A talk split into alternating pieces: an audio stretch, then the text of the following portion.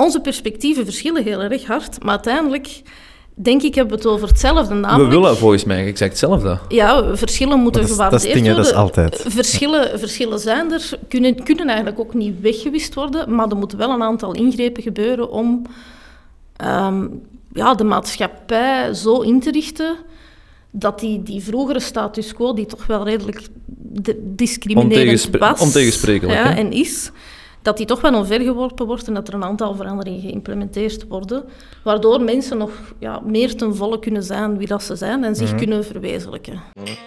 Hoppa. Solidariteit, zo belangrijk. We moeten daar actie voor ondernemen. Het is een goede persoonlijke reflecties om jezelf altijd in vraag te stellen. Maar nu, nu gaan we er echt voor gaan, dus here we go.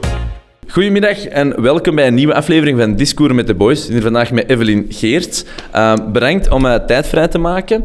Uh, we kunnen vandaag, zoals altijd, een hele beginnen. pool richtingen Ja. uitgaan.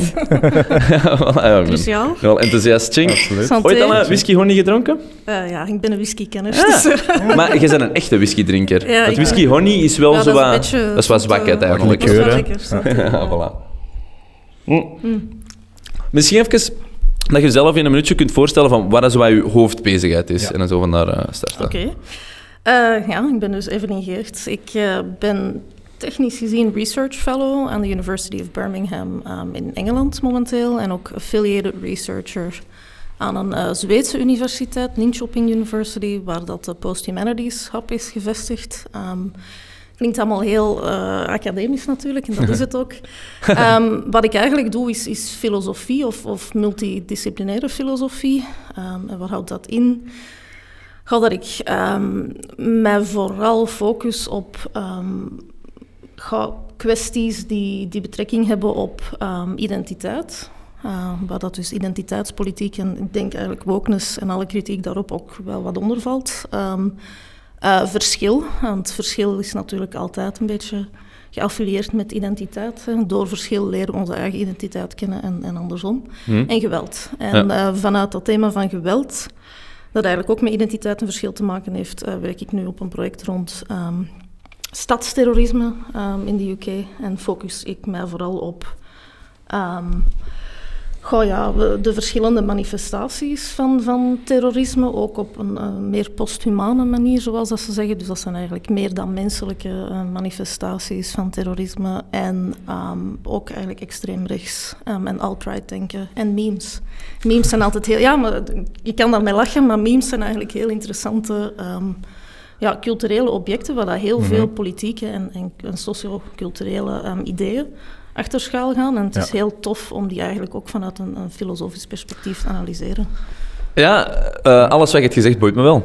dus, uh, ja, nee, nee, nee, maar ik vind het wel interessant om, uh, om over ja, zo'n soort dingen na te denken. en we hadden elkaar ook ervoor gesproken. We zullen zien waar dat we eindigen, want ja. ik denk dat er een aantal thema's zijn die we kunnen, kunnen gaan benaderen. Mm -hmm. Maar ik denk voor ons een interessante, omdat we dat ook al een paar keer doorheen onze podcast hebben gebruikt. En hier om ons misschien bij te leren waar dat we nog wat kunnen bijleren. Mm -hmm. En dat is best nog wel wat vlakken. Maar misschien gewoon het geven van woke.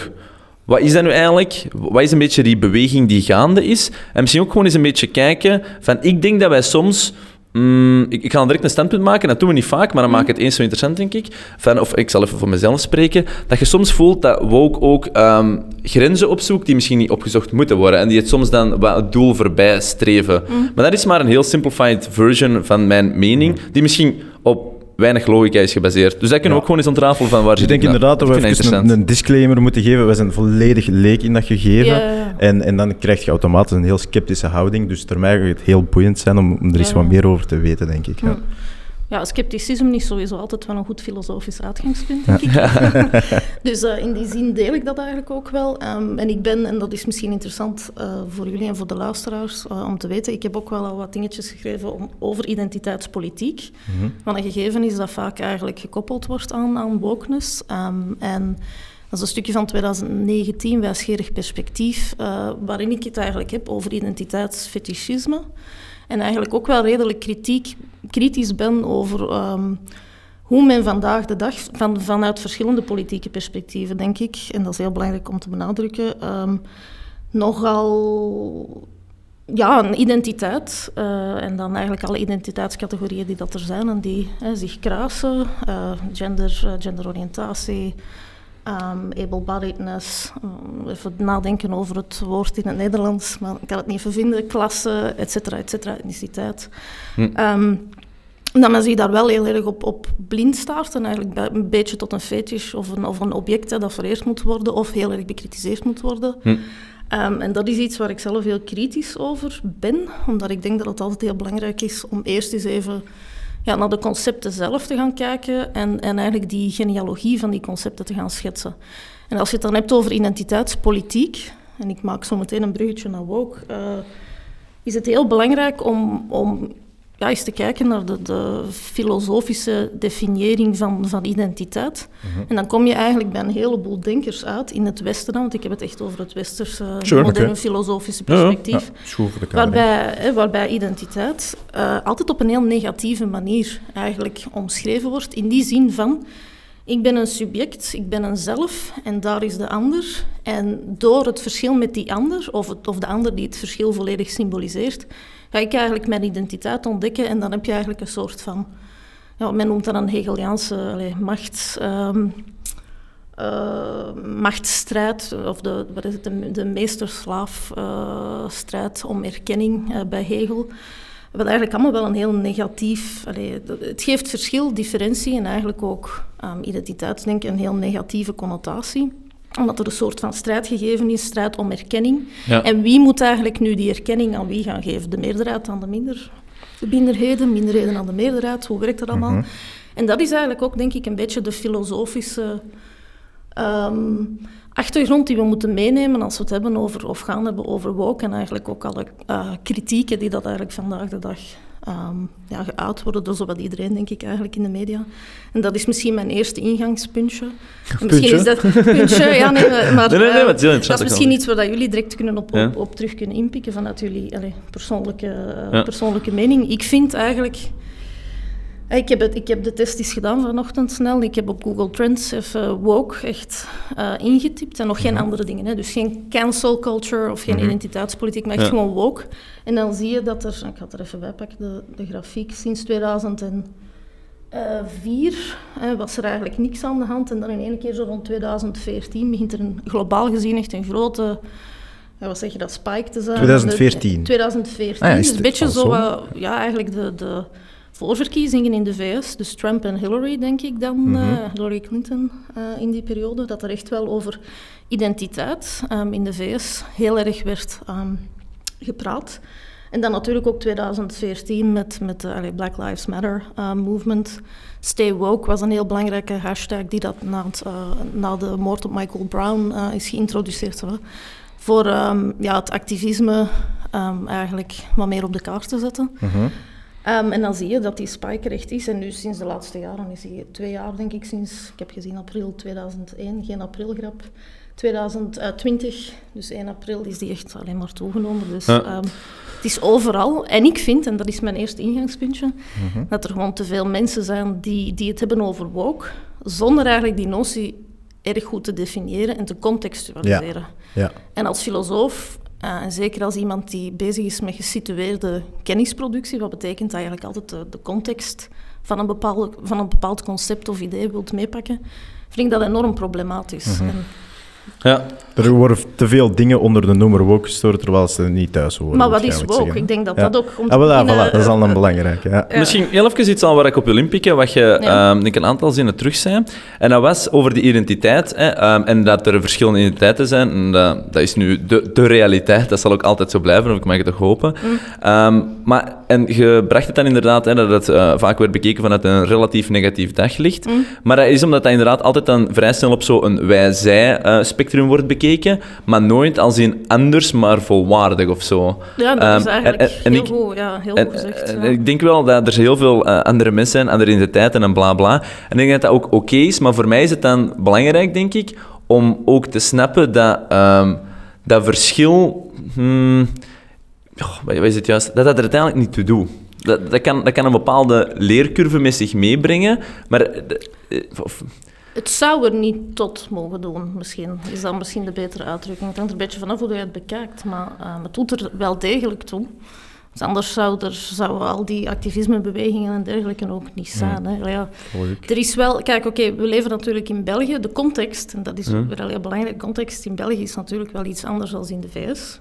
Uiteraard. Waar een, bon, slavernij is een globaal gegeven, maar de, de Amerikaanse context is natuurlijk altijd ehm, ja, nog een tikkeltje problematischer en, en gewelddadiger. Maar dat betekent niet dat er geen, geen anti-zwart uh, sentiment en racisme is binnen, binnen de Belgische context mhm. natuurlijk. Ehm, identiteit en identitaire verschillen zouden er niet tot mogen doen, maar je haalde aan het begin denk ik van het gesprek al iets aan over de norm en hoe bepaalde normen geconstrueerd worden. En je zou dan zeggen, ja, zei dan van nou, uh, als we het hebben over wokeness, het doel zou dan zijn uiteindelijk dat dat dan de nieuwe norm wordt en dan hebben we dat allemaal niet meer nodig enzovoort. Ja, nee, dat, dat bedoel ik niet, maar ik snap Ah, oké, ja. Nee, nee, ik bedoel... Ja, nee. Uh, maar misschien, misschien wat ik, uh, dat, dat, ik iets beter kan verwoorden in functie van die identiteit. Um, ik denk, het is uh, perfect fijn om mensen te judgen. Dat is al een super controversieel iets om te zeggen. Mm. Ik denk alleen, het is altijd belangrijk om mensen te judgen op een, op een juiste causaliteit en oorzaak. Ja, en, ik denk, en ik denk heel die, of de huidige woke-beweging, hoe dat ik ze definieert, focust voornamelijk, en dat vind ik dan een positief aspect, om eigenlijk, zeg maar niet meer te gaan judgen op um, onlogische causaliteitszaken. Zoals huidskleur um, ja, zegt echt naar mijn mening, ik ken er nu niet genoeg van, maar niks over bijvoorbeeld IQ. Die twee zijn echt niet verwant met elkaar. Of over X en Z.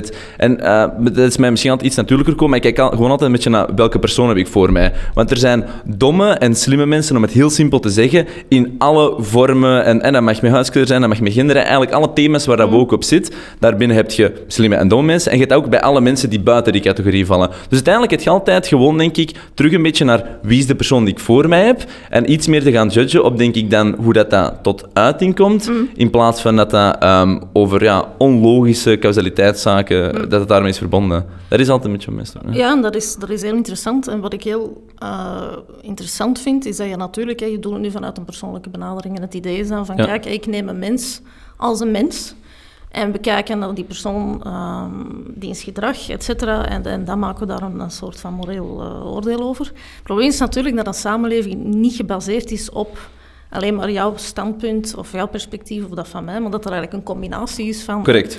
miljoenen standpunten. Mhm. En over de geschiedenis heen zijn er natuurlijk wel een aantal structuren um, ja, gewoon verankerd geraakt, een aantal normen uh, verankerd geraakt binnen de maatschappij.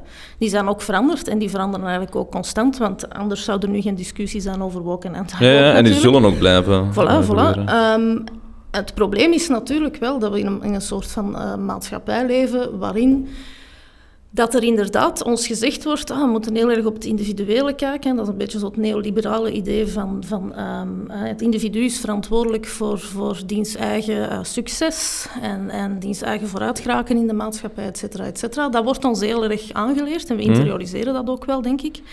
En dan klopt jouw perspectief ook, denk ik. En, en tegelijkertijd, die maatschappij, die, die oude structuren, en dat zijn structuren niet alleen van, van onderdrukking, van oppressie en discriminatie, maar ook van privilege, um, ja, die, die zijn er ook wel. En vanuit maatschappelijk perspectief is het wel zo dat bepaalde mensen het bijvoorbeeld moeilijker hebben op de arbeidsmarkt door zelfs gewoon maar wat ze, wat ze implicit bias noemen. Dus uh, vooroordelen die zelfs niet bewust eigenlijk ja. um, in ons zitten ja, gearticuleerd worden. Dus... Um, dus ik vind het... Ja, ik vind jouw perspectief heel goed. En ik denk ook dat dat het uiteindelijke doel is van, van eender welk soort van, van activisme. Hè. Het gaat uiteindelijk om de mens en om de mens in, in diens volledigheid te kunnen zien en naar waarde te kunnen schatten. En ook zo te behandelen. Ehm, maar we zijn daar nog wel niet, denk ik, op maatschappelijk vlak. Maar ik denk ook niet dat we daar altijd gaan zijn. Want stel nu dat morgen alle normen en waarden van woke aanvaard gaan worden, of dat dat een nieuwe norm wordt, of... Eh, ja, maar laten we het even ja. simplifyen. Uiteindelijk gaat er dan een andere beweging zijn die weer zegt van nu zijn wij een minderheidsgroep, of wij hebben het gevoel dat wij niet gehoord worden. Mhm. En dan, dus ik denk dat dat wel een eeuwige wisselwerking wordt van er is een bepaalde consensus, status quo, en we voelen dat die niet meer volledig werkt. Dat is eigenlijk het gegeven. En die zal ook mhm. altijd blijven. Mhm. Maar wat mij dan... Um, of, of wat ik de uitdaging uitdaging vind, is van hoe vinden we elkaar sneller in dat dialoog? Want nu, door woke, creëert je een definitie en heb je weer het wij-zij-verhaal. En dat is niet de manier, denk ik, om vooruitgang te creëren. En, en nu haal je twee, denk ik, heel belangrijke punten aan die, die we verder moeten, moeten uitwerken. Dus dialoog, en dat is ook iets dat bij mij, dat klinkt nu heel katholiek op een of andere manier, dialoog, maar nee, nee, dat is wel iets, ja, dat heeft voor mij altijd zo'n katholieke connotatie, maar ah, dat is iets dat wel, uh,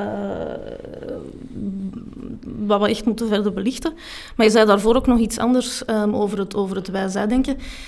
ik, ik ben eigenlijk eens benieuwd, want we hebben het nu al de hele tijd over woke en de woke-beweging. En het grappige is, denk ik, ik, ik heb het gevoel dat jij ziet, hè, de woke-beweging um, is, is een groep van mensen, minderheden voornamelijk, of, of uh, iemand van de meerderheid die opkomt voor minderheidsrechten. En die zegt eigenlijk van, dit gaat fout, dat, dat, dat, dat, dat moeten we aanpakken.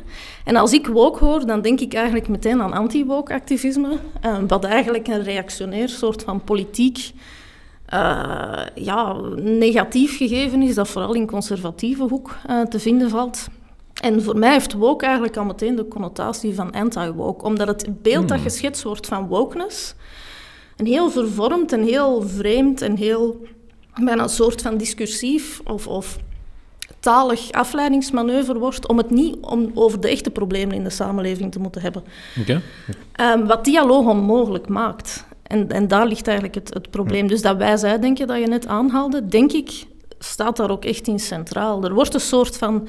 Je hebt eigenlijk het, het fantasieverhaal rond woke voor mij, of het woke-spook of zo, als je het, als je het dan uh, zo een beetje dom wilt noemen. Maar het woke-spook is eigenlijk meer zo van... Je hebt één partij die is super, super woke, woke, woke, woke. En, en die klaagt alles aan wat er gebeurt. En alles is racisme, en alles is seksisme, en alles is homofobie. Mhm. En dan heb je de mensen eigenlijk... Dat is eigenlijk al moeilijk om dan, om dan te zeggen, want dat is eigenlijk het beeld dat geschetst wordt van de woke-beweging door partij A. En partij A zijn net eigenlijk degene die op elke allee, minimale verandering in de maatschappij, zoals MeToo-schandalen, die dat dan uiteindelijk mm aangeklaagd worden en zo, die meteen eigenlijk super reactionair gaan reageren en zeggen van, ah zeg, mhm. seksisme dat is relatief en uh, dat lag toch wel aan die vrouw zelf en racisme is relatief. Allee, we hebben zo wel een aantal politici die dat er al eens gezegd hebben, uh, in, in, in de Vlaamse context natuurlijk, dus... Um, er is een soort van stereotyp beeld, denk ik, in de media, mm. waar, waar dat gehanteerd wordt en dat constant eigenlijk ook zelfs in knakken in de morgen en dergelijke naar voren geschoven wordt. Wat niet echt helemaal um, neerkomt op, op de originele betekenis van woke en mhm. eigenlijk de betekenis van woke die door bepaalde activisten eigenlijk gehanteerd wordt. Dus ik denk dat we even wat dieper... Is die betekenis? Ja, ik denk dat we even bij elkaar moeten aftoetsen van wat, wat zijn onze definities van, van woke. En, mhm. en misschien even eerst met jullie beginnen om het moeilijk te maken. ja, ah, ik vind het een leuke vraag. Dat is echt een doelvraag, precies. Dan kunnen we, dan kunnen we samen nee, een beetje Klopt, want als we het niet benoemen, dan blijven we rond elkaar mhm. babbelen, terwijl we misschien aan iets anders bedoelen en toch dezelfde woorden gebruiken. Ja, ik denk het. Um, voor mij, woke, betekenis. Um, ik heb in het verleden al hier en daar opgezocht. En wat dat je toen tegenkomt, mm. is van eh, het wakker worden, letterlijk, eh, van, van een groep. Uh, die dan het besef krijgt dat er iets fout loopt en dat aankaart. Ik denk dat we daar een beetje onder kunnen steken. Wat dan nu mijn huidige definitie van woke is, maar dat is zoals ik er straks zei, ik weet er te weinig over. Dus ik ga daar geen verdere uitspraken rondom. Oké, maar dat van dat wakker worden, dat ga ik zoiets ja. op inpikken. Okay. Um, voor mij is um, woke uh, een definitie geworden. Ja, zie je maar, kijk, hè, het is een definitie geworden. Hè. Ik zeg niet de mensen die wokeheid nastreven of whatever, maar het woke-concept zelf is echt wel een soort van... Um, hoe moet ik het zeggen?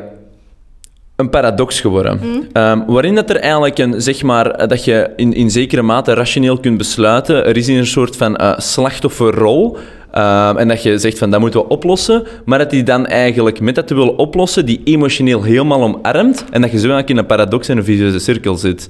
Ehm, en dat vind ik soms een beetje het gevaar, omdat ik altijd heel hard focus op individueel verantwoordelijkheidsgevoel en dat lijkt dat soms een beetje weg te lopen, waar dat ineens rechten plichten worden. En mhm. niet zozeer op wettelijk niveau, maar op hoe dat we naar onszelf kijken. Dat we een soort van arrogantie krijgen van ik heb recht tot X, Y en Z.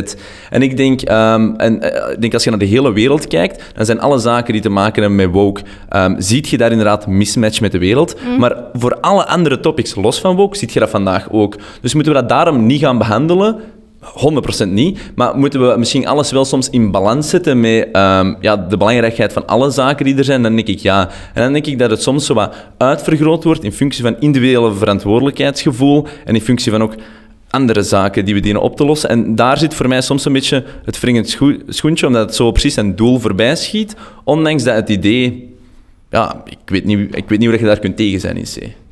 Dus als ik het samenvat, dus ik hoor eerst eigenlijk van uh, wakker worden en bewust worden van bepaalde zaken die dat spelen in de samenleving. Dat komt mhm. eigenlijk heel dicht bij de originele betekenis. Ja, als ik er inderdaad misschien nog iets aan kan toevoegen, dat we uh, maatschappij evolueert en dat we op een bepaald punt zijn gekomen in de evolutie, waarbij dat we nog normen en waarden hebben van vroeger, mhm. die dan niet meer toepasbaar zijn op de situatie van mhm. vandaag misschien. Ja. En ik zie hier dan dat samenlevingsperspectief. En bij jou hoor ik toch echt dat, dat individuele perspectief echt terug naar voren komen. Dus dat is mhm. interessant, want dan hebben we zo wat twee verschillende... Ja, absoluut. absoluut. Um, en wat ik bij jou eigenlijk ook hoor, um, is, de, is, is toch weer dat hameren, hameren op, op, het, op ja, individuele verantwoordelijkheid. En um, ik hoorde ook iets van een slachtofferschap, ja. uh, of, of een mentaliteit van slachtofferschap. Ja. Ja, ah, wel, misschien is het handig. Ik had, eh, ik had een beetje een genealogie-schets eh, gedaan en ik was zelf ook eens gaan kijken. Nu, ik heb drie fragmentjes eigenlijk uh, van, van verschillende mensen die veel in, in de media komen, die eigenlijk uh, ook over woke hebben geschreven. Um, en ik heb ook een soort van genealogie-schets gedaan. En misschien dat die genealogie het interessantste is, omdat we dan zo naar een soort van allez, definitie kunnen toepassen. Ja, En dat heeft ook veel met jou uh, eigenlijk uh, beginnende definitie te maken. Um, als je echt alle bronnen gaat doorzoeken, dan zie je eigenlijk dat de term woke en wokeness um, al heel veel uh, voorkomt, gewoon de jaren 30, 40, 50 in de VS, in zwarte folkmuziek. Okay.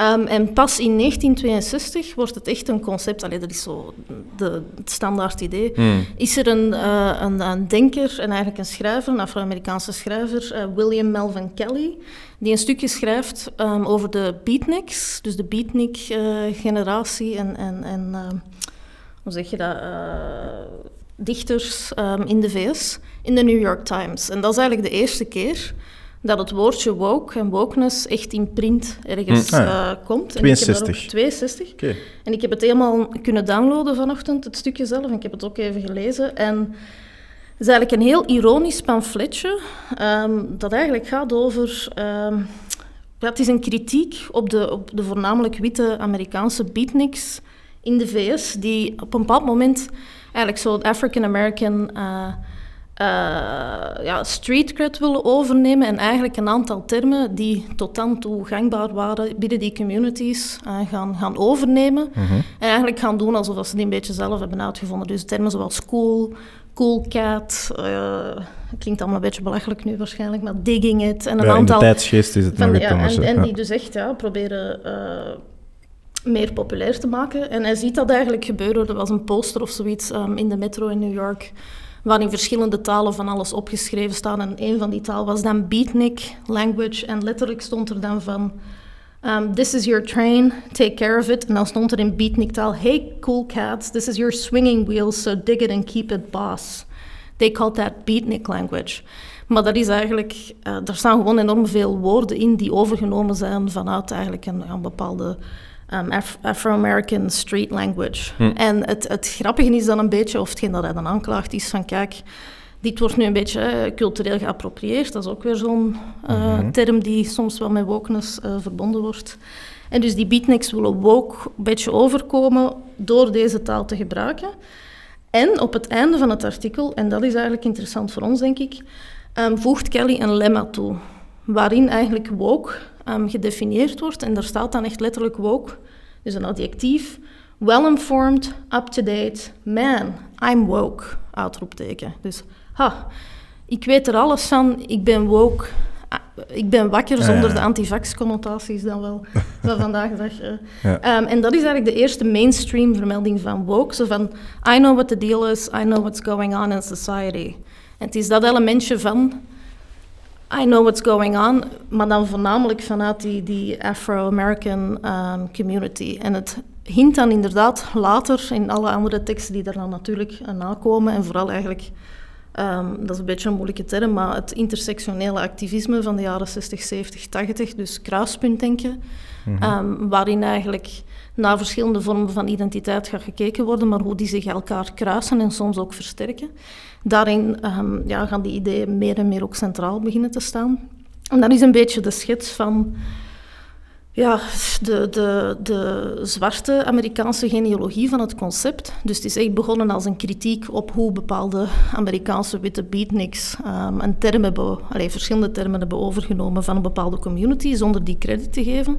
En dan aan een tijdje gaat het echt in de richting van, kijk, ik ben mij bewust van bepaalde structuren in de maatschappij. En in 2014 komt het dan nog eens als een hashtag um, op, op Twitter en dergelijke en uh, Facebook en zo. Uh, stay woke, hashtag stay woke. Hm. En als je nu op Twitter gaat kijken, kan je dat ook allemaal terugvinden. Dus dat is een beetje de Black Lives Matter uh, beweging, die dan eigenlijk die notie begint te gebruiken na de moord op Michael Brown door een politieagent. En dan echt zegt van, kijk, we moeten ons bewust blijven van eigenlijk het anti-zwart, um, politie, geweld en het anti-zwart racisme in de VS. Ja. En dat is, een, dat is een heel specifieke mhm. culturele context natuurlijk, die wel op een of andere manier, denk ik, zijn weg heeft gevonden naar België, maar die vaak ook ja, de vertaling daarvan, denk ik, en, en die nuances en ja, die culturele context daarvan, um, niet die, die wordt niet altijd meegedacht. En, en wat je ziet, en dat is het interessante, is dat je dan een soort... Dit is de eerste lijn, zou ik dan zeggen, van woken. Dat, mhm. dat hoor ik een beetje bij jou terugkomen. De eerste generatie. Van het ja, of, ik zou het zeggen, de eerste, misschien de eerste conceptualisering zelfs, of manier van het conceptualiseren. En dan zie je dat die lijn doorgetrokken wordt hm. naar, bij activisten toe, en dat het echt wel gaat over een bewustwordingsproces. De jaren 60, 70, 80, uh, zeker de feministen van toen. Consciousness raising, we gaan allemaal samen in een groep zitten en we gaan onze individuele ervaringen delen. En door die te delen en te bundelen gaan we beseffen dat er dat bepaalde vormen van allez, seksisme, in dit geval, ja, dat dat echt uh, blijkbaar toch een maatschappelijk probleem is. Want jij hebt er last van, jij hebt er last van, jij hebt er last van. Ah, interessant, en dan gaan we dat bundelen en samenbrengen. Ja. Dat is een beetje die, die meer uh, ja, activistische connotatie van, ja. van woke. Dan heb je nog een tweede lijn, en die wil ik, omdat het denk ik vanuit jouw perspectief wel interessant is. Um, jaren tachtig heb je natuurlijk ook heel veel kritiek in de VS, en we zitten nog altijd in de VS, op, op politiek correct denken. Mhm. Dus het woke van nu is eigenlijk een beetje het, de political correctness of PC Heel van kort toen. Gelinkt. Ja, ja. Um, en, en je had eigenlijk op die ja, civil rights movements en dan eigenlijk de feministische zwarte beweging, et cetera, et cetera, had je eigenlijk wel een soort van conservatieve reactie in de jaren tachtig, waarbij je zegt van zeg, oh, al die minderheden, uh, er is ook nog een meerderheid en zo. En, uh, en, dan het neoliberale denken dat eigenlijk economisch gezien ook heel erg um, opkwam in de VS en in de UK. Eh, het gaat toch over, over individuen en inderdaad, we moeten mensen toch als mens zien, et cetera, en op hun eigen acties be beoordelen. Dus al dat structurele, structurele onderdrukking en zo. Mm, nee, en er is een probleem. Te veel, als we dat te veel gaan benadrukken binnen universiteiten, dan uh, gaan we kritisch denken verliezen en dan, dan wordt er een soort van, noemen ze een mind police gecreëerd, waarbij dat dan uh, zogezegd niets um, kritisch dat dialoog in de weg gewoon. Ja, ja, ja bon, maar dat is dus het idee van de jaren tachtig. En dan heb je zo'n filosoof, uh, Alan Bloom, eigenlijk een heel bekende Amerikaanse, meer conservatieve filosoof. En die heeft een boek geschreven, The Closing of the American Mind. Dus het idee um, dat door dat of, een, of een al te grote nadruk op politiek correct denken dat dan kritisch denken onmogelijk gaat worden binnen de universiteiten um, en dergelijke. En dat heeft ook te maken met de opkomst van het poststructuralisme, waarbij dat eigenlijk kennisproductie gekoppeld werd aan machtsrelaties. Heel Foucauldiaans, daar moeten we niet te veel uh, op ingaan als je dat wilt. Maar uh, er komt eigenlijk op neer dat hij zegt dat door politiek correct denken kritische dialoog uh, heel moeilijk wordt. Um, en dat eigenlijk, ja, dat, dat er een soort van, en dat is ook weer zo'n complexe en problematische term, dat er een soort van cultuurmarxisme uh, um, ontstaat dan aan de Amerikaanse um, universiteiten. Um, wat dan ook weer gekaderd wordt door de Koude Oorlog in die tijd natuurlijk. Waardoor dat liberaal, typisch Amerikaanse liberale denken eigenlijk heel moeilijk gemaakt wordt. En er wordt dan nog in één keer een koppeling gemaakt met het uh, in elkaar storten van de democratie, van de hm. liberale democratie. Dus het gaat wel heel mm ver. Mhm. En de reden waarom ik dit vertel, is omdat er nu eigenlijk een nieuwe Amerikaanse uh, filosoof is, die ook uh, heel veel interviews heeft gegeven uh, in België onlangs, Francis Fukuyama. Um, en die heeft ooit ook eens een boekje geschreven over hoe dat met de liberale democratie er eigenlijk een soort van end of history was, dus het einde van de geschiedenis. Alles is nu perfect. Dus het idee van een westerse liberale democratie, dat is de ideale samenlevingsvorm. We moeten niet verder dan dat. Dat is een beetje zijn weer Hegeliaanse uh, interpretatie van de werkelijkheid. Um, en hij zegt dan ook, in zijn, het noemt Identity, het uh, boekje, dus het is makkelijk om op te zoeken. Hij zegt eigenlijk dat um, ja, woke en PC, dus political correctness en identiteit, met elkaar verbonden zijn en ook worden binnen het debat. En hij heeft een beetje dezelfde ja, ingesteldheid als Bloem en zegt ook dat, dat te veel focus op ja, identiteit en op woke en political correctness, dat dat eigenlijk een bedreiging vormt voor de liberale democratie. Um, maar er zitten wel een aantal gaten in het verhaal en een aantal problemen. En um, mm. daar ben ik zelf eigenlijk heel erg geïnteresseerd, want ik ben niet verwant met die twee denkers, denk ik, filosofisch gezien. Dus nog met Bloem, nog met Fukuyama. Mhm. Maar ik vind het wel interessant um, wanneer Fukuyama zegt dat er, um, en dat is ook zo wel, denk ik, en vandaar dat jij met een andere opvatting zit dan jij en ik, denk ik. Um, er is een soort van... Schisma is een te groot woord, maar er is wel een spanning in hoe mensen, denk ik, vandaag de dag individueel dan die notie van woke zien. Iedereen komt een beetje met zijn eigen uh, definitie af. Mhm. En het is vooral iets dat enorm gepolitiseerd is. En, en, en dat zie je dan ook weer bij identiteit. Identiteit, van het moment dat je eigenlijk dat begrip laat vallen, is er al een soort van... van uh, uh, mensen hebben zoiets van, oh, oh, daar ga ik niet over spreken, of net wel. En er is dus, er, het heeft allemaal direct een politieke connotatie. Dus als ik nu mhm. bijvoorbeeld zeg, ik ben pro-woke, wat een heel rare uitdrukking zou zijn, wat, again, wokeness voor mij is meer een soort van constructie een politieke constructie mhm. die ons afleidt van, van bepaalde dingen waar we het echt zouden over moeten hebben. Um, dus voor mij bestaat het eigenlijk niet als fenomeen. Um, ik ben mijn draad een beetje kwijt. Gewoon dat voornamelijk denk ik, politiek gebruikt wordt. En, en misbruikt wordt. Ehm, en ik, ik denk dat het dat eigenlijk ook zo moeilijk maakt en dat dat ook de reden is waarom we met zoveel verschillende conceptualiseringen zitten. Mhm. Oké. Maar dus dat was heel ingewikkeld. Maar dat is dus de genealogie. voelt dat er soort van twee verschillende stromingen zijn. Je hebt die stroming mhm. waarin het echt ja, van dat woordje 1962 echt wordt mhm. overgenomen, een soort van bewustzijn, typisch voor ja, jaren 60, 70 uh, civil rights activism. Dat wordt een beetje doorgetrokken. En dan heb je direct die conservatieve, reactionaire beweging die zegt van ja, zeg, niet te veel politiek correct, et cetera, et cetera. Dus je hebt zo twee verschillende, uit, heel uiterste, allez, of twee verschillende uh, uiterstes van, van, van ja, interpretaties. Hm? Kort samengevat, mijn antwoord denk ik, ja, beide zitten ernaast. dat is gewoon het mhm. antwoord. um, maar omdat uiteindelijk, eh, het antwoord ligt altijd een beetje in het midden. Maar je hebt uh, veel gezegd.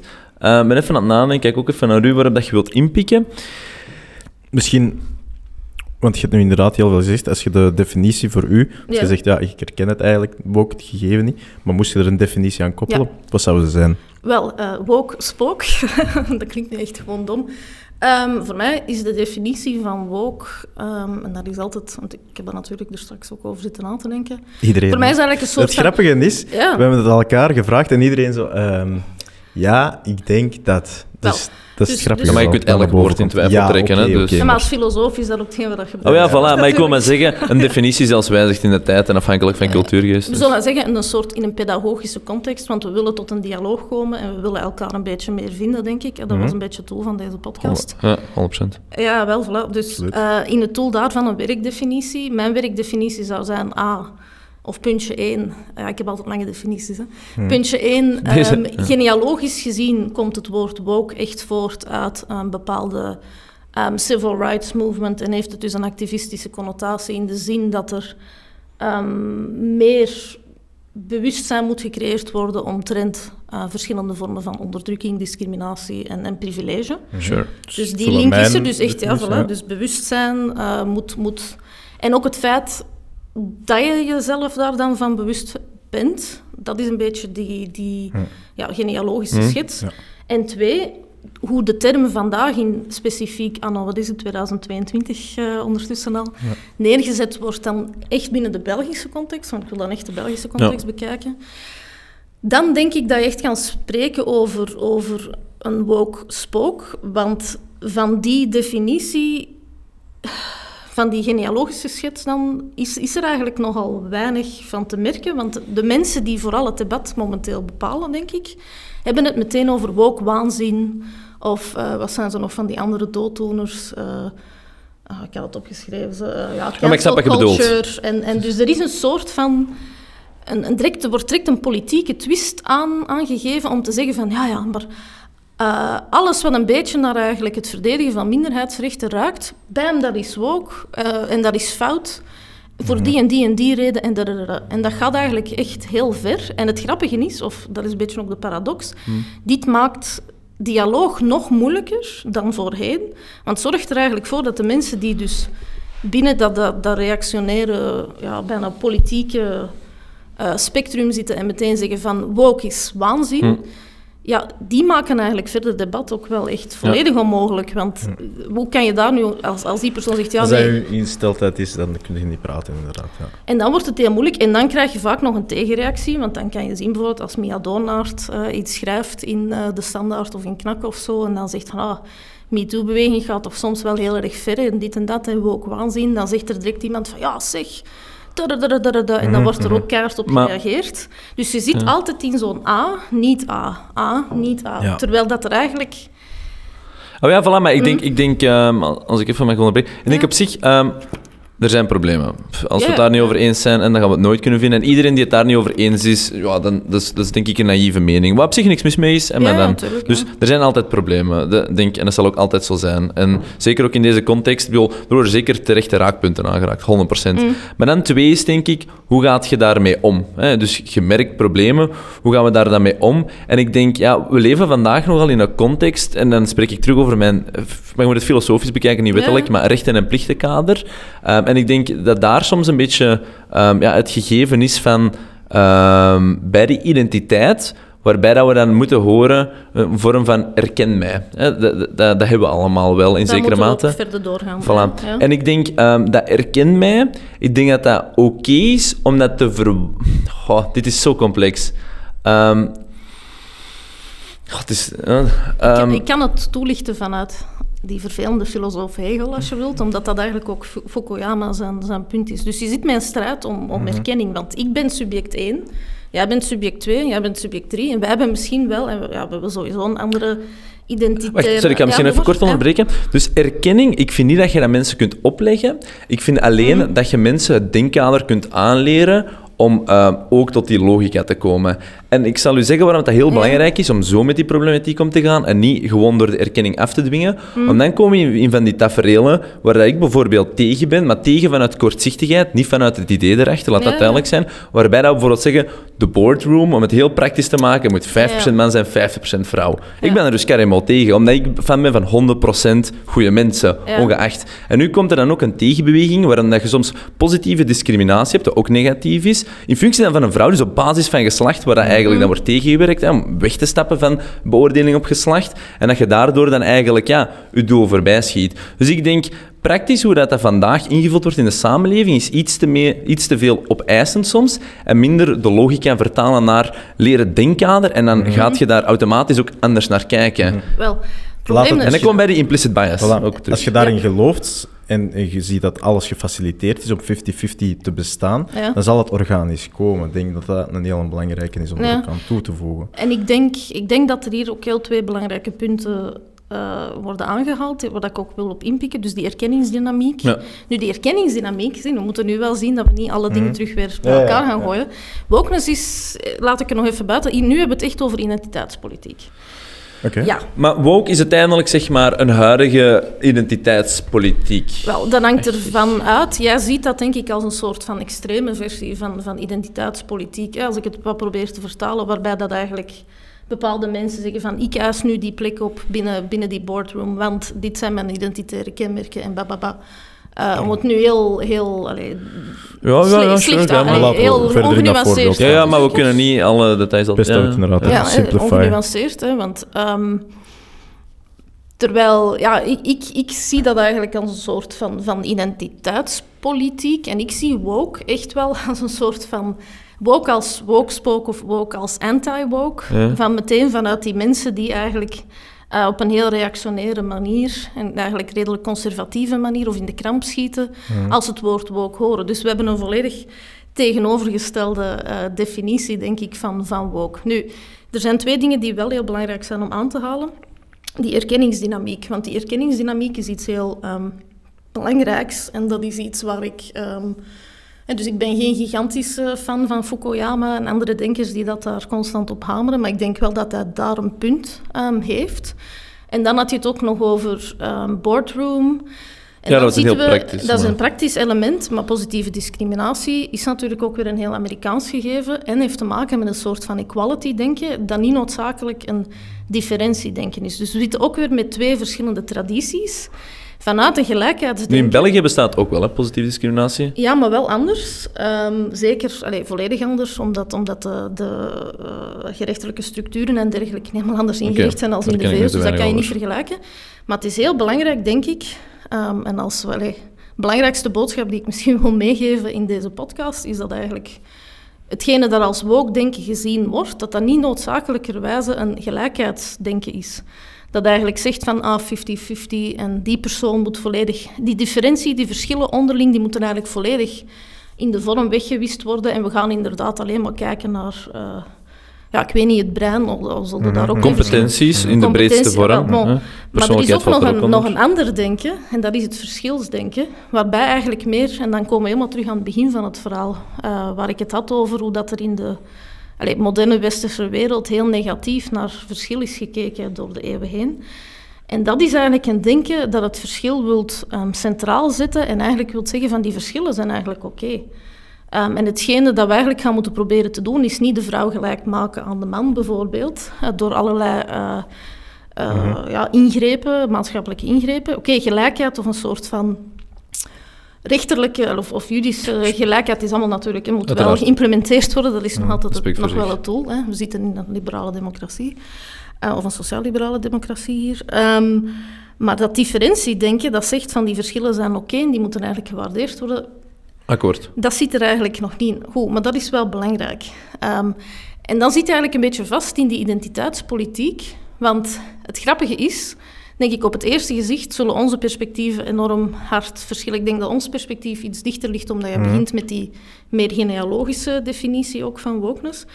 Onze perspectieven verschillen heel erg hard, maar uiteindelijk denk ik, hebben we het over hetzelfde. Namelijk, we willen volgens mij exact hetzelfde. Ja, verschillen moeten dat gewaardeerd dat is worden. Dat is altijd. Verschillen, verschillen zijn er, kunnen, kunnen eigenlijk ook niet weggewist worden, maar er moeten wel een aantal ingrepen gebeuren om um, ja, de maatschappij zo in te richten dat die, die vroegere status quo, die toch wel redelijk discriminerend was ontegensprekelijk, ja, en is, dat die toch wel omvergeworpen wordt en dat er een aantal veranderingen geïmplementeerd worden, waardoor mensen nog ja, meer ten volle kunnen zijn wie dat ze zijn en zich mhm. kunnen verwezenlijken. Om het dan heel filosofisch um, uit te drukken.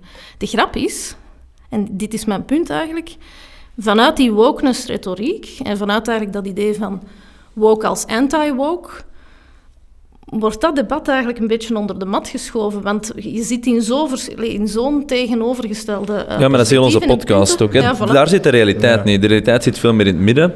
Maar ik denk wel dat, net zoals jij zegt, het woke gebeuren mm. vrij hard in extreme zit. En daarom dat ik ook soms het gevoel heb dat het zijn doel voorbij schiet. Omdat eigenlijk het woke-gesprek is eigenlijk tussen de mens gewoon, hè, van mens tot mens, volgens mij al super lang gaande. Ook zelfs al voordat het woord bestond. Maar eigenlijk sinds dat het woord bestond, is dat eigenlijk gebruikt inderdaad om uh, meer verschil te creëren in de negatieve zin, hè, dus een wij-zij-verhaal, um, versus dat uiteindelijk volgens mij dat al heel lang bestaat. Volgens mij komen er vandaag eigenlijk ook terug thema's op tafel die volgens mij al super lang cultureel, eigenlijk individueel aan de gang zijn, die inderdaad misschien um, op, op maatschappelijk of, of uh, collectief niveau nog niet volledig zijn doorgecijpeld, maar volgens mij als ja, elk individu wel die logica en redenering aanleert en daar eigenlijk gewoon ja, mee geboren wordt, dan komt dat er eigenlijk in. Maar dat is misschien een iets of een passievere manier van ernaar te kijken.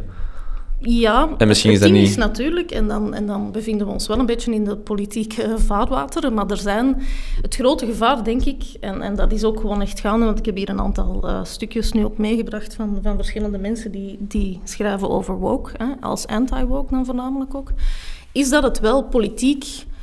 er is een soort van politieke pervertering, een soort van er is wel een identiteitsfetischisme. Dus er is, het gaat heel veel over identiteit in onze maatschappij. En ik denk dat dat ergens ook wel logisch is, omdat de maatschappij zo ingericht is.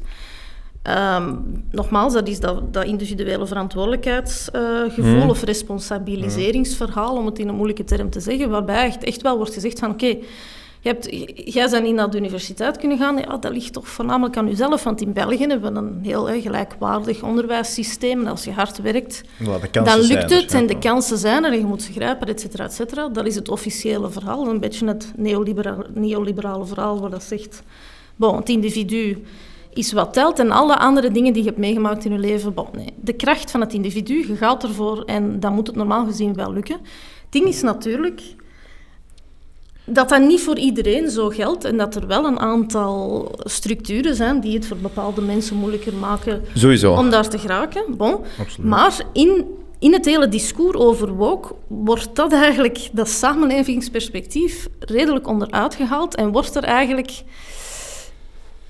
Ja, dat wordt altijd een beetje onder de mat geveegd. En het zijn ook altijd wel zeer specifieke mensen die eigenlijk vanuit een toch wel een meerderheidspositie eigenlijk dat idee, Mia Donald bijvoorbeeld, die ik wel allee, uh, op zich wel, wel respecteer natuurlijk als denker, maar dat is iemand die, die een zeker geprivilegeerde positie heeft en die zich gaat mengen in een debat eigenlijk over minderheidsrechten.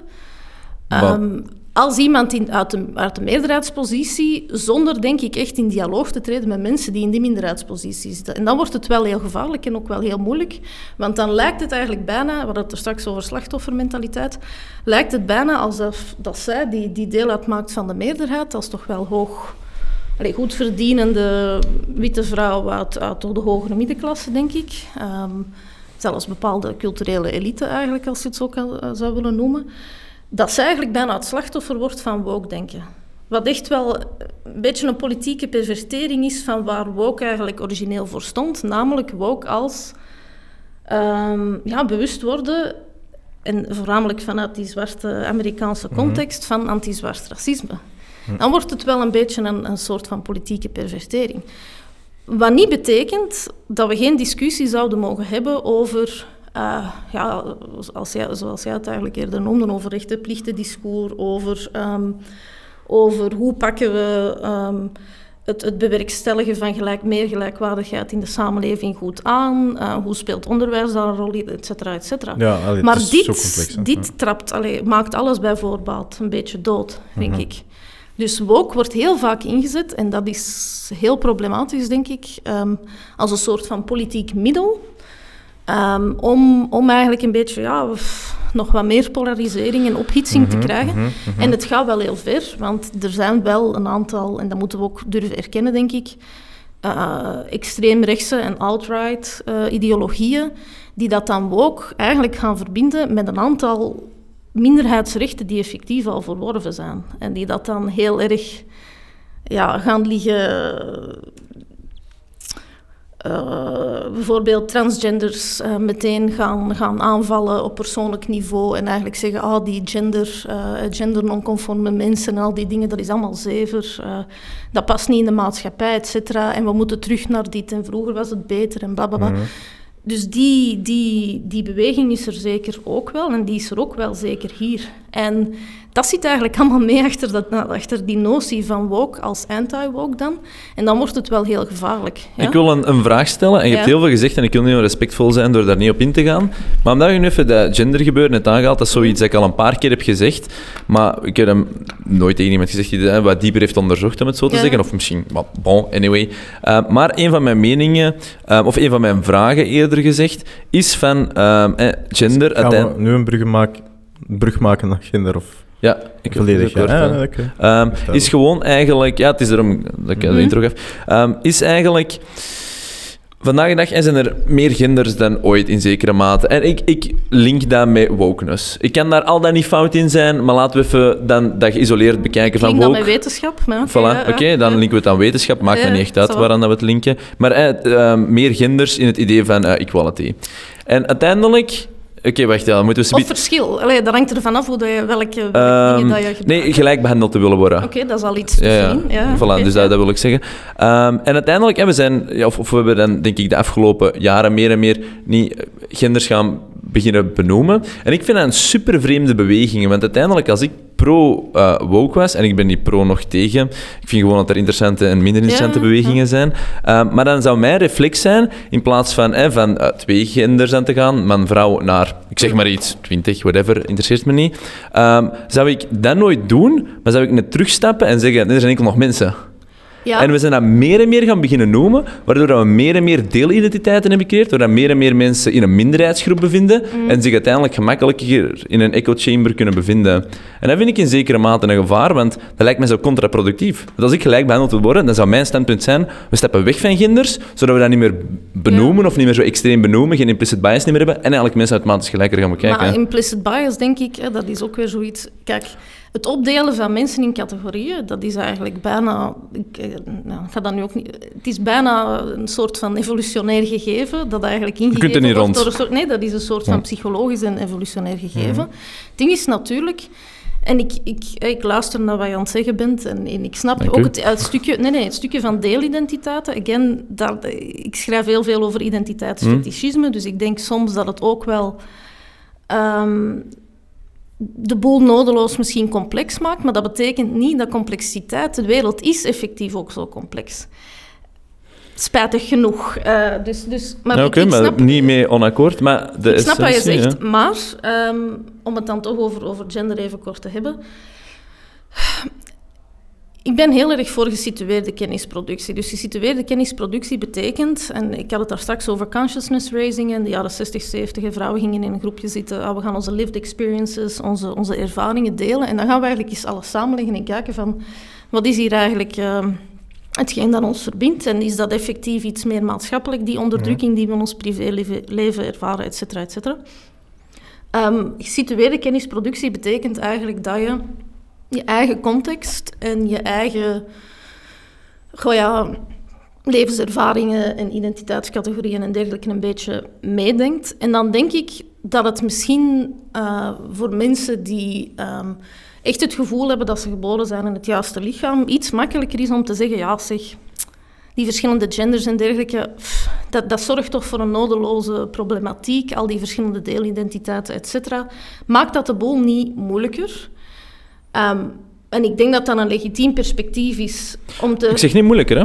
Nee, maar bon, wat zeg je dan wel? Ehm, dat het zijn doel voorbij schiet. Om is meer is erkenning te vragen voor, Ja. mijn specifie, voor mijn identiteit, hoe ik ze heb gedefinieerd, in plaats van er eigenlijk van weg te stappen. Waardoor dat je dan eigenlijk automatisch meer gelijkheid hebt. In Want de jaren ik ben... 80 hebben ze dat wel effectief geprobeerd, want een van de vormen van, vroegere vormen van feminisme was eigenlijk het gelijkheidsfeminisme, dat eigenlijk zei, we gaan eh, effectief die verschillen of biologische verschillen en dan ook sociaal geconstrueerde verschillen die dat er zijn tussen man en vrouw, om die twee categorieën nu even te gebruiken, die gaan we ehm, wegwissen en we gaan iedereen op een genderneutrale manier opvoeden en dan komt er een ideale maatschappij, want iedereen wordt dan gelijk opgevoed en, zo, en dat Nee, werkte dat, heb ik ook niet per se gezegd. Nee, maar dat gaat er wel naartoe, hetgeen dat je nu zegt. Ehm, Oké, dat wil ik niet per se ontkennen. Misschien moet ik mijn vraag dan, of mijn, mijn bemerking dan nog iets beter verwoorden. Ja. Uiteindelijk... ehm, God, er zijn zoveel manieren. Goh, weet je, er, er is zeker iets waarop dat ik mezelf als eh minderheid... eh, waarop, waarop dat ik een minderheidsgroep ben. Laten we het noemen mijn... ehm, Dikke neus. Een ADHD-principe. Ehm, en over het algemeen binnen het bedrijfsleven eh, word ik als heel atypisch ervaren. Dus Ja. daar ben ik zeker wel minder. eh, Wat zijn voor- en nadelen heeft Ja. tegelijk. Maar uiteindelijk, ik moet wel bekennen, laten we, ik heb daar geen benoeming voor. Of ik Mhm. benoem dat niet. Ik ben Amory. Ja. En dat is een supercomplex, dat zit vol met gekke dingen en tegenstelheden en x en z. Maar ja, ik weet niet, is dat zo belangrijk dat... dat ja, ik- ik- Maar ik ga de devil's Hè? advocate nu dan zijn. Dus Evelien heeft ook ADHD. welkom. ja, welkom. Ja. En dat is inderdaad een, een, een, een eh, neuroatypisch, eh, of, of een soort van neurodivers, vorm van neurodiversiteit, die het wel inderdaad soms wat complexer maakt, denk ik. Eh, ehm, omdat er inderdaad de meerderheid van mensen niet zo is. Nu, als we dan die oefening even willen maken, en echt, ik ga nu heel vervelend doen, en een soort van kruispuntdenken oefening willen doen, hè, Dus stel dat je ook nog eens hebt ADHD, maar ik kwam ook uit ga nu gewoon Merksem gebruiken, omdat dat mijn uh, achtergrond is uit een uh, lagere sociale klasse.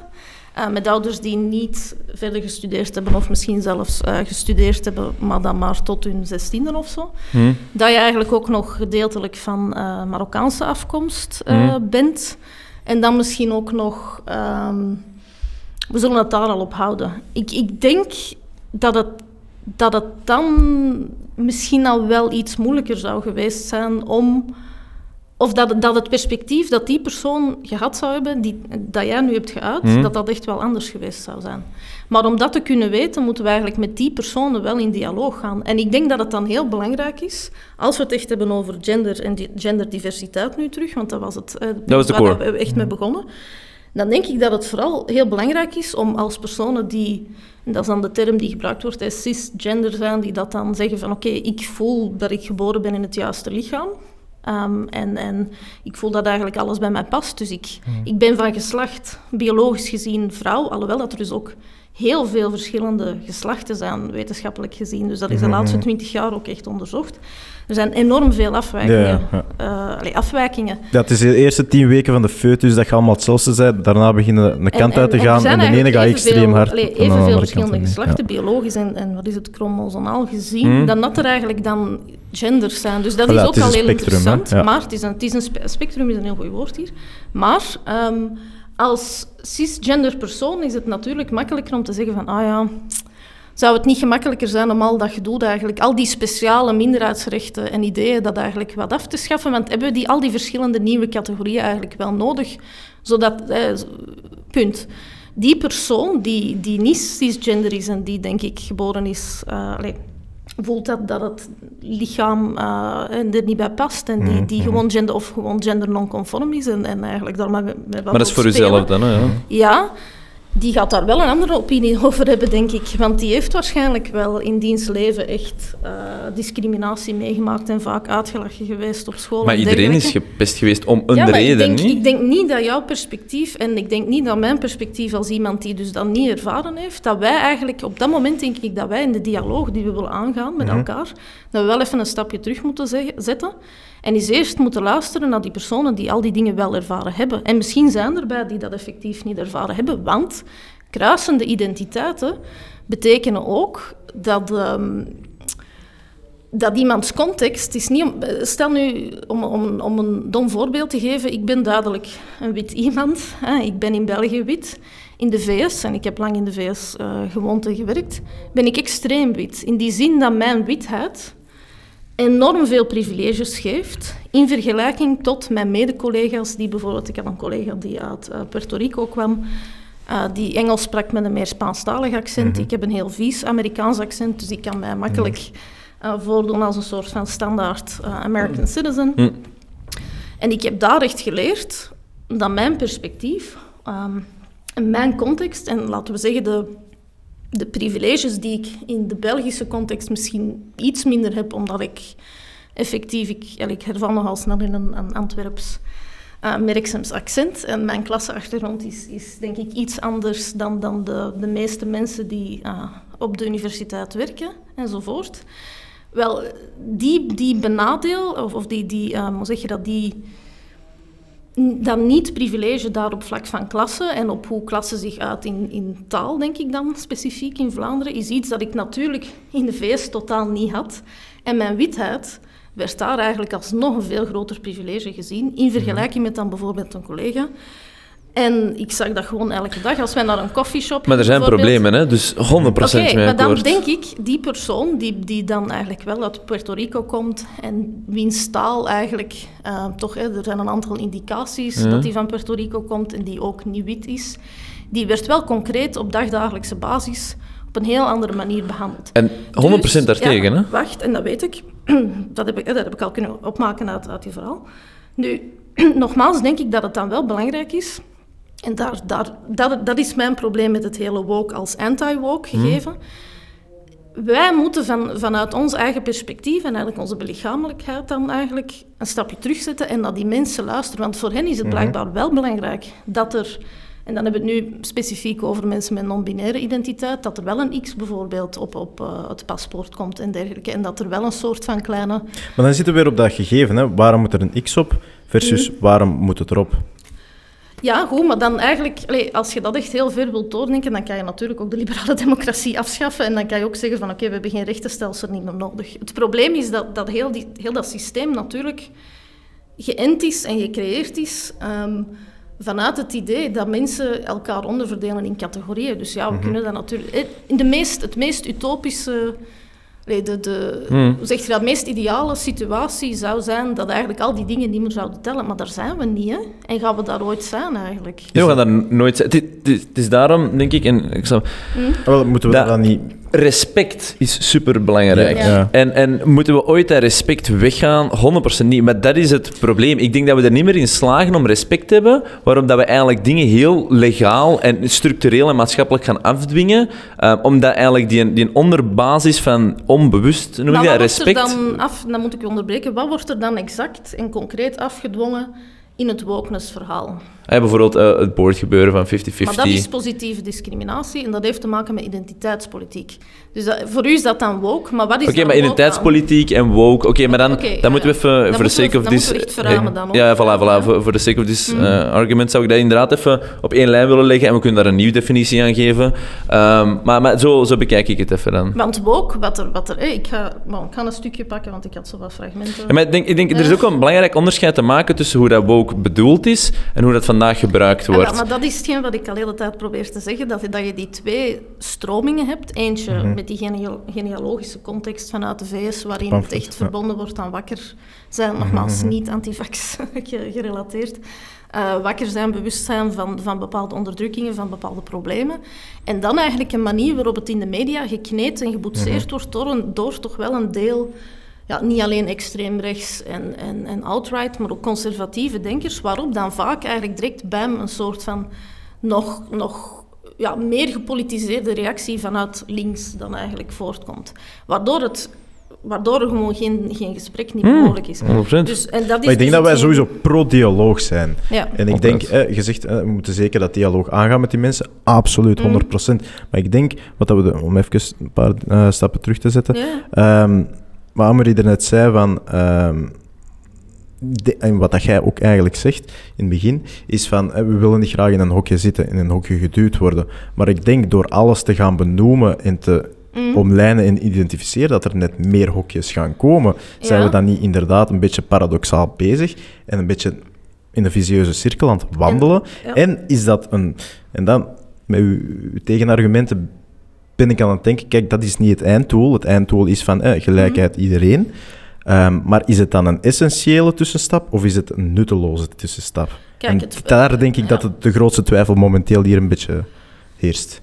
Ik heb daar natuurlijk ook een andere geleefde of doorleefde positie in als jullie twee. Dat is logisch, door een mhm. aantal bepaalde uh, identiteitskenmerken. Mm -hmm. maar je legt het eigenlijk heel, je vat het heel goed samen hoor. Um, ik, ik, ik zit zelf ook in een moeilijke positie. Dus ik ben iemand die heel veel nadenkt over identiteit en hoe identiteit tot stand komt. En ik heb enorm veel respect voor uh, mensen die met kruispuntdenken en intersectioneel activisme bezig zijn en die dus mhm. echt en, en anti-zwart racisme aankaarten enzovoort. Um, tegelijkertijd denk ik dat het gewoon voor alle partijen, maakt niet uit, maakt niet uit welke Allee, vanuit welk politiek, uh, politieke hoek dat je komt kijken, denk ik dat het gewoon heel belangrijk is dat we allemaal eens een stapje achteruit allee, uh, terugzetten, of zouden terugzetten, om eens na te denken wat eigenlijk identiteit juist is. Mm En inderdaad, of dat Um, het werken met categorieën, die eigenlijk... Een categorie is eigenlijk ook altijd negatief, hè, want die gaat uit van een bepaalde norm. Mhm. Eigenlijk heb je een heel systeem, en dat is heel Foucauldiaans, maar een heel systeem dat eigenlijk zegt van oké, je hebt een bepaalde norm in de maatschappij. Die norm die uh, verandert door de eeuwen heen wel, maar er is wel een zekere status quo waar dat de meerderheid zich dan achter schaart. Mhm. En die, zeggen dan, die hebben dan eigenlijk ook gewoon de macht om te zeggen van ja, bon, dat is abnormaal, dat is normaal en dergelijke. En ik denk dat het heel moeilijk is voor iemand die zich dan binnen een meerderheidspositie bevindt, om dan eigenlijk te zeggen van nou gaan we dan toch maar niet die categorieën weggooien, want dit en dat. Hoe, hoe je het ook draait of keert, hoe, hoe moeilijk en complex identiteit is en hoe slecht eigenlijk dat we het definiëren, hoe weinig dat, we zijn daar te weinig mee bezig. Um, we hebben er nood aan, blijkbaar. Er zijn veel mensen in de maatschappij die er nood aan hebben om toch een bepaald...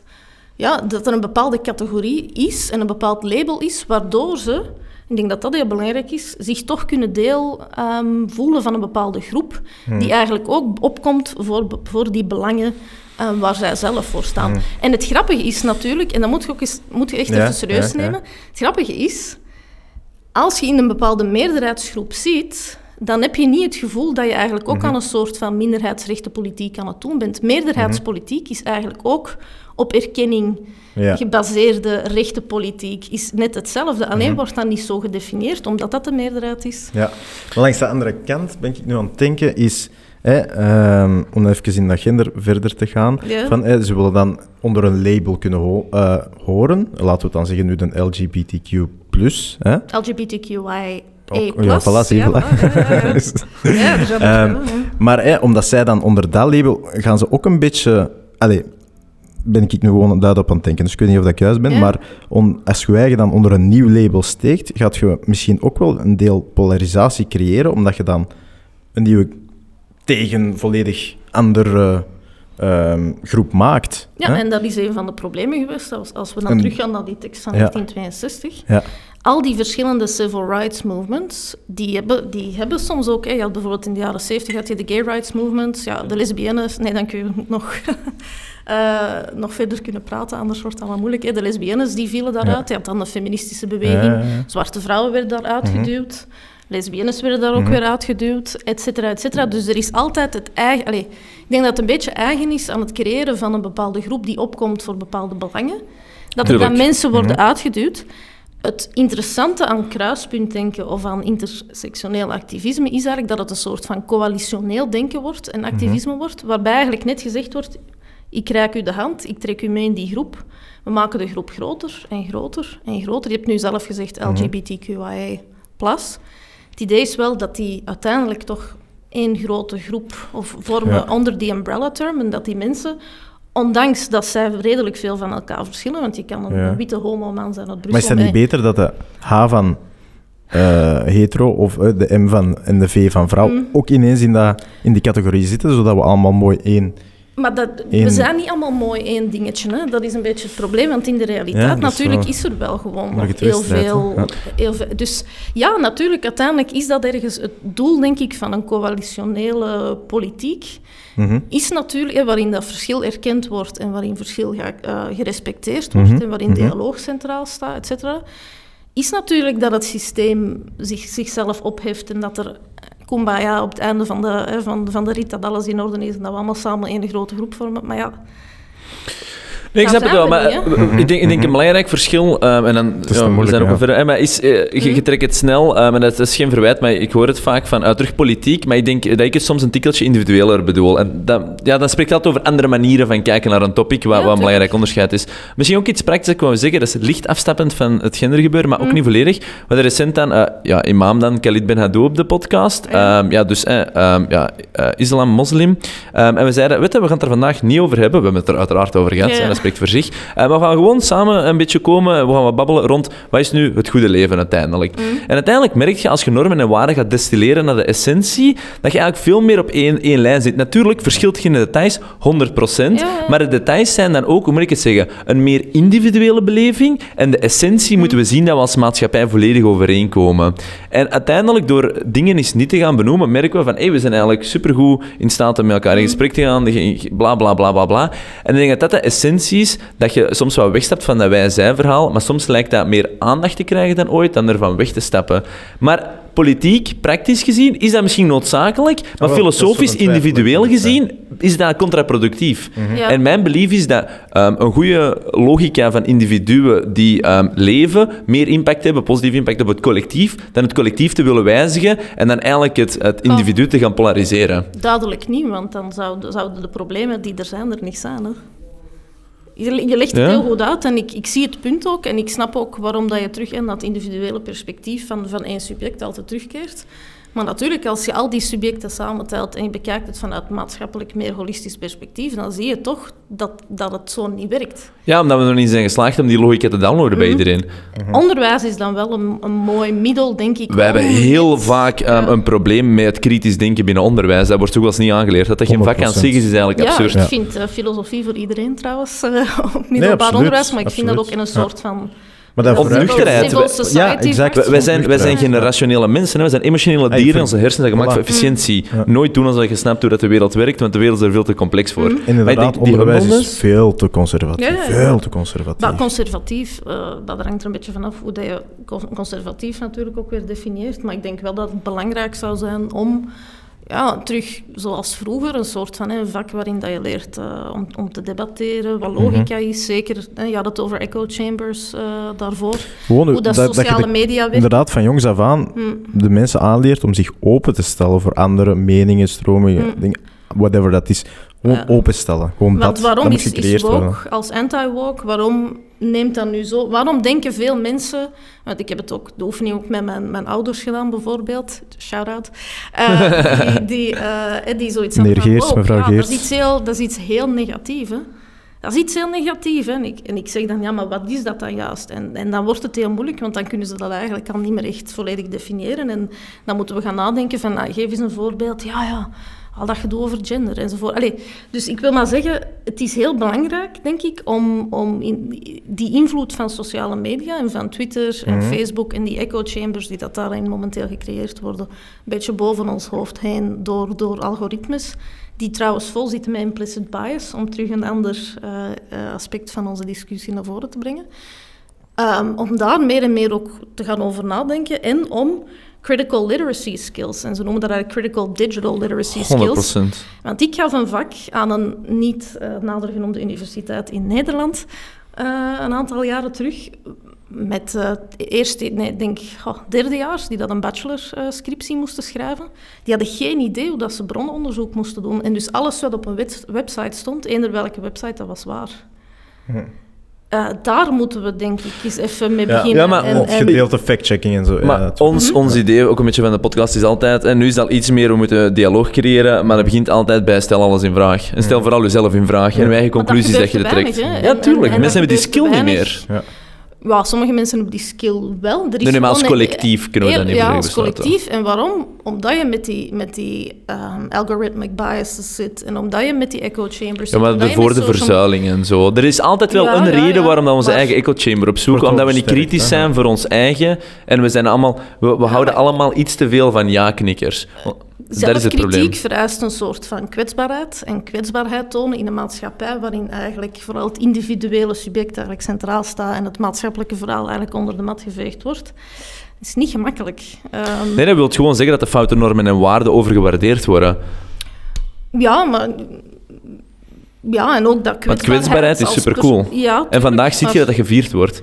Als zelfs hè, topprofielen kwetsbaar zijn. Als je het elke dag bent en je maakt toch grove fouten, dan niet. Pas op, pas op, pas op. Ik denk met de coronacrisis dat er wel een kleine verandering is gekomen daarin. Uh, omdat bijvoorbeeld hè, mentale problemen en dergelijke, die worden nu wel... er werd heel lacherig over gedaan, denk ik, het eerste jaar met de eerste lockdown. Ah, studenten met mentale problemen. Ah, ze hebben de oorlog niet meegemaakt, dus zo erg kan het niet zijn. Mm. Maar nu zie je toch dat dat wel een beetje ja, een discussie en een debat heeft aangewakkerd, wat eigenlijk echt super positief is. Um, en ik denk dat dat voor al die andere onderwerpen die we nu net behandeld hebben eigenlijk ook heel belangrijk is. Maar ik, mijn, mijn punt is ook echt dat, het, dat de ideeën die wij hebben, denk ik, over woke, dat dat eigenlijk 90% social media ingegeven is. En dat mhm. bepaalde... Dat het heel erg... Dat er, ik heb die, die genealogische schets gegeven het, het, idee dat leeft bij mensen over woke, dat dit iets helemaal anders is dan eigenlijk die, waar het vandaan komt. En dat, er, ja, wel, dat het gewoon door de politiek en door bepaalde mensen um, echt maar dat kan ik wel volgen. Is als een soort van stok om met te slaan en dan te zeggen van kijk, al die minderheidsrechten, toek toek, allemaal terug in jullie eigen hokje en uh, we gaan over iets anders spreken. Ja. Ik denk misschien als ik iets kort mag zeggen, maar ik heb je al een paar keer onderbroken. We moeten ook uh, richting... Ja, ja, we moeten richting hem, het gaat eigenlijk relatief vlot. Maar is, ik denk mijn, mijn core van, van het probleem, denk mm. ik, met uh, identiteit, woke, whatever, is dat op een bepaald moment gaat er altijd in een samenleving die ooit heeft bestaan en zal bestaan, iemand weg worden en zeggen... Um, dit werkt niet volledig. En dan is de vraag, hoe gaan we daarmee om? En ik vind dat woke eigenlijk toont... Eh, en ik, ik vind dat woke, of, of het hele geven, en hoe dat ook de mm. definitie constant gebruikt en misbruikt wordt, gewoon toont dat we er nog steeds niet klaar voor zijn. Dus in plaats van... En dit is natuurlijk fout wat ik zeg, dus probeer niet letterlijk te nemen, maar filosofisch. Maar dus in plaats van eigenlijk al die problemen op te lossen, want stel nu dat we alle problemen die woke heeft opgelost zijn, dan gaan er nieuwe problemen zijn. Die, hè, moeten we, vind ik, precies gewoon als samenleving meer een, een skill aanleren om dat gewoon constant mee te nemen in het dialoog, zonder dat dat een heel spel wordt dat polariseert en weer niet X en Z. Mm. Want dat is een never-ending show en dat vind ik dat je voelt aan het woke geven. Niet de specifieke punten per se, maar de manier waarop dat weer een probleem wordt aangekaart en hoe dat tot een oplossing komt. En ik denk, ik wil zien hoe kunnen we zo'n filosofische probleem in de toekomst, hoe kunnen we dat oplossen. En dat is volgens mij het dialoog in dit soort gesprekken. En, dat, en dat cool vinden. En als iemand iets fout zegt, iemand daarop proberen... Want cancel culture, helemaal in het begin, dat is niet the way to go. Want dan, dan polariseert je weer al mensen. Mm. Dat gaat voor- en tegenstanders hebt. Nuance is echt de doder van polarisatie. En dat moeten we echt meer zoeken. En ik denk dat dat een beetje mijn probleem zo is soms mee hoe het ermee ook wordt omgaan. Van, de, de, essentie van het probleem wordt niet aangepakt. En binnenkort is het iets anders. Hoe men zegt hoe of hoe men doet alsof er dan met woke wordt omgegaan. Want die cancel culture, men spreekt daar altijd heel snel over, maar uiteindelijk, ik, ik, ik zoek nog altijd echt een goed voorbeeld. Hè. Er zijn een aantal dingen, ik weet niet, hoe noemde die Nederlanders? Dit is de stijl dat dat populair is, dat is een probleem. Ja, Daar het over. Maar, en het ding is, kijk, ik ben ook, ik ben ook pedagoog. En ik, allez, pedagoog niet als opleiding, maar wel als iemand die gewoon uh, enorm veel les geeft en ook graag les geeft. Mhm. En, en men, ik zeg altijd tegen mijn studenten, we gaan fouten maken. En ik heb inderdaad ook al... Ik heb ook, uh, gender, nee, maar ik heb ook gewoon... Eh, ik geef ook genderstudies en seksualiteitsstudies. En dat zijn inderdaad uh, vakken, denk ik, waarin je misschien makkelijker het gevoel kan hebben dat je iets fout hebt dat is gevoeliger, of zo. Of het is gevoeliger, omdat het een leefwereld is allee, die niet gedeeld... Allee, sommige mensen zitten in een bepaalde leefwereld, anderen niet. En dus het is iets moeilijker om uh, daarmee bezig te zijn, samen op een dialogale manier dan ja, bijvoorbeeld logica. We eigen vaak al wanneer dat niet moet, omdat je met een schrik van om waar ik les gaf aan, aan, een van de meest allee, progressieve of, of uh, hippie uh, colleges, zullen we dat maar zeggen. Ja, maar dat is ook, die zijn ook in de jaren 68 of zo echt ook gesticht door hippies. dus dat was ook zijn ja, dat was... ja, gaan we nog eens uh, studeren? Ja. Toch maar eens doen, precies. Hè? En maar dus, dus dat is daar heel liberaal. Hadden studenten ook echt vaak schrik om eigenlijk nog iets te zeggen, omdat ze eigenlijk al dachten op voorhand van oei, dat zou wel eens fout kunnen zijn. En, en dan, hebben ze ook, dan durven ze ook niet meer van elkaar te leren. En dus mhm. bij mij is een, een soort van... Ja, een, een, er moet een soort van pedagogie, een kritische en affirmatieve pedagogie zijn, denk ik, vanuit de leerkracht uh, uit. Die ook zegt van, kijk, er zullen fouten gemaakt worden. Um, maar het gaat erom met hoe, dat je, ja, hoe op, op, op, dat je op een verantwoordelijke manier en op een respectvolle manier met die fouten omgaan, dat we daaruit leren. En het idee is natuurlijk dan wel dat je op het einde van de rit die fouten niet meer maakt. Ehm, maar er zullen fouten gemaakt worden. En, en, dat is gewoon zo. Want dat is in het echte leven ook zo. Een, een universitaire een universitair klaslokaal is niet volledig uh, zit niet volledig los van, van de maatschappij. En dus de, de machtsstructuren die daar zitten, de problemen die daar zijn, zullen ook in, in, in een klaslokaal voorkomen. En ik denk, maar dat vereist nogmaals wel een, een zekere kwetsbaarheid, niet alleen van de studenten, maar ook van de leerkracht, want ik maak ook fouten. En dat, is, dat leidt soms tot mhm. heel moeilijke situaties en tot pijnlijke situaties. Maar daar zit groei, hè? Daar zit je kunt enkel groeien in moeilijke en pijnlijke situaties. Het is natuurlijk wel, maar kan men niet te sadistisch worden? Dus ja. je moet wel zien maar ik denk dat intentie, ik denk, ik denk dat we hier mm. altijd wel spreken over intentie die, ja, laten we even simpel zeggen, goed zit. En als het daar start... en dan, dan ga ik je toch terug naar die echo chambers heel snel. Als je dan ziet Woke is voor mij echt een constructie, een soort bijna van uh, gepolitiseerde mediaconstructie. Dat, het gaat over boekjes die goed moeten verkopen, artikels die goed moeten verkopen. Moet allemaal snel, snel, snel gaan en goed, alleen makkelijk verteerbaar zijn.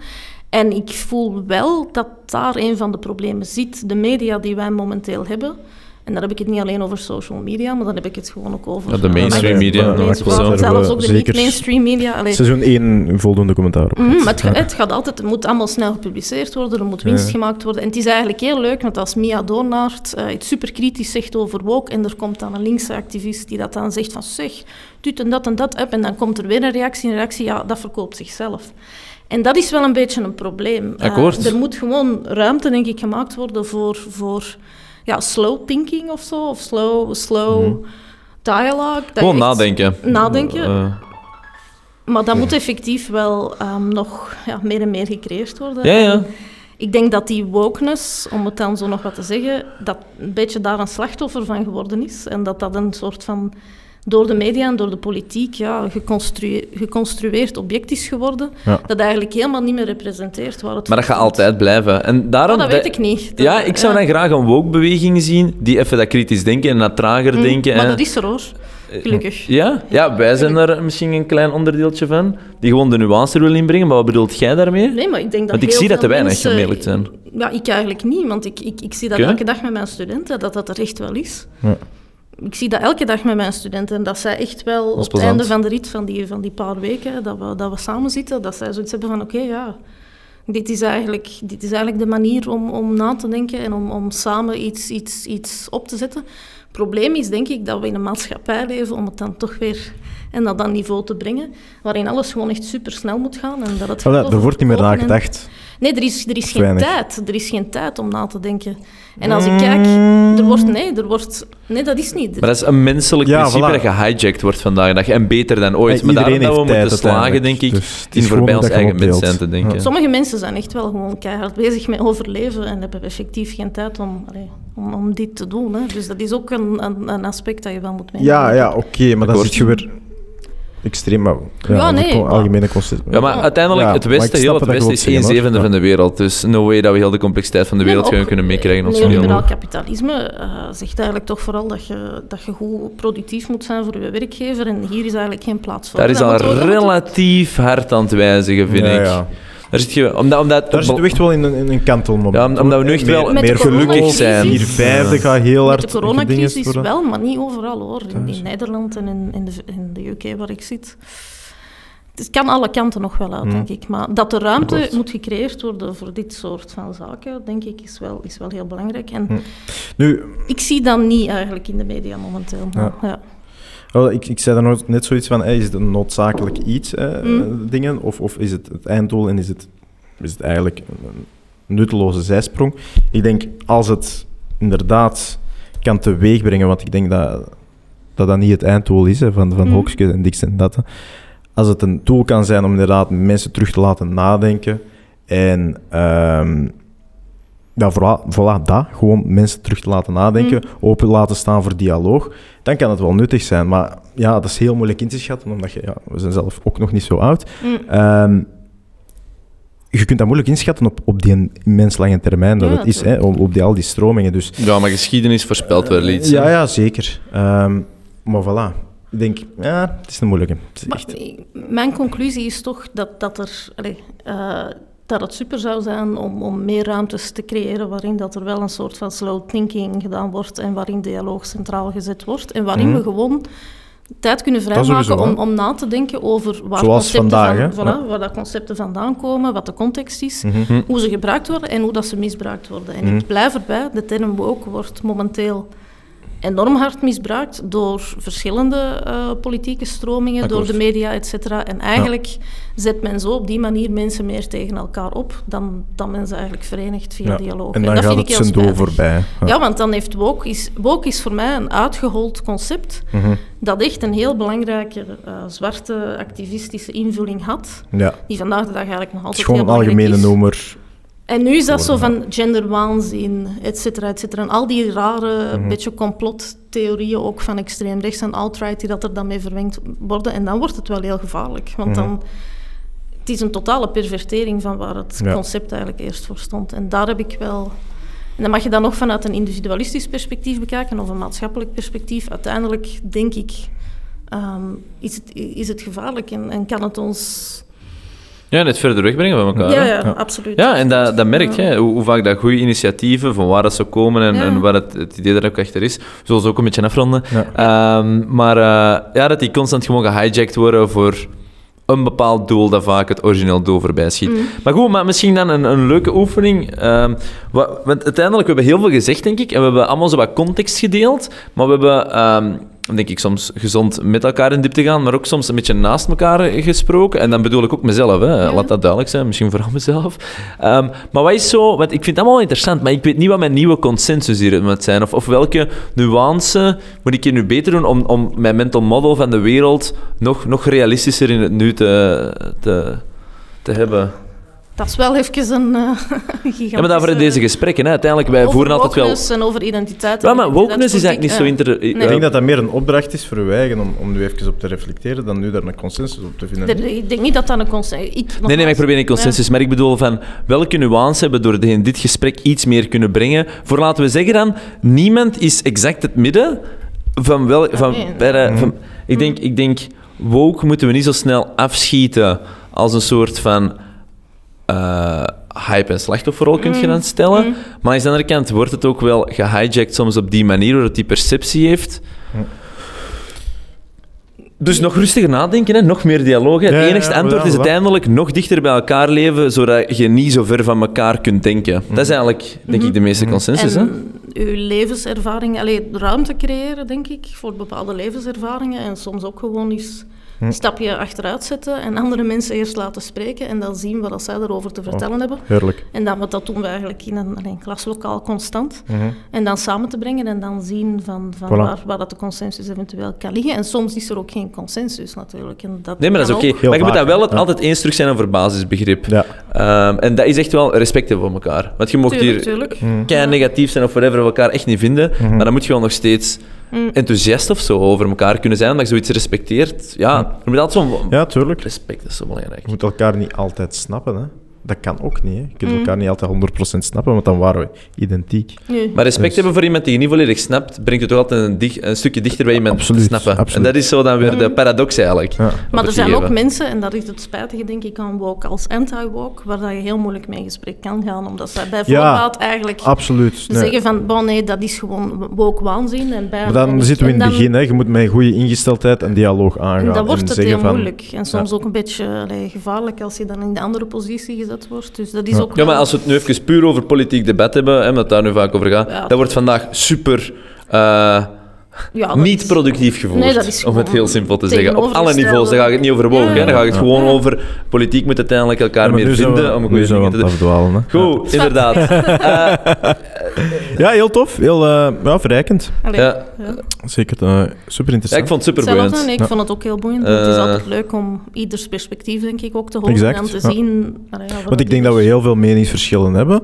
Um, maar we hebben ook weer gelijkenissen en daar hebben we ook op ons gebaseerd. We en we hebben ons dialoog gevoerd. Eens voor de basis. Ik denk dat we het soms gewoon wat oneens zijn over hoe moeten we daar nu praktisch mhm. mee om. En als we elkaar misschien binnen 100 jaar opnieuw zouden ontmoeten, zouden we waarschijnlijk zeggen van hé, hey, misschien we, zijn, ah, nee, dat kan niet. Er willen zijn we, maar ik denk misschien gewoon in die tussenfase van hoe geraken we daar nu, dat we daar gewoon een andere visie over hebben. Maar waarschijnlijk heeft niemand gelijk en we allemaal samen wel. En we zullen afronden, want je kijkt van... Uh, ah, nee, nee. nee, Goed. Dankjewel voor de tijd vrij te maken. Merci. En, um, en tot hier te komen. Het was super boeiend. En uh, sowieso tot later dan. Ja, Absoluut. Ik ben benieuwd naar het eindresultaat. Ja. Dit was het. Komt zeker weer uit. ja, right. Bye bye. bye, bye. Ciao, ciao.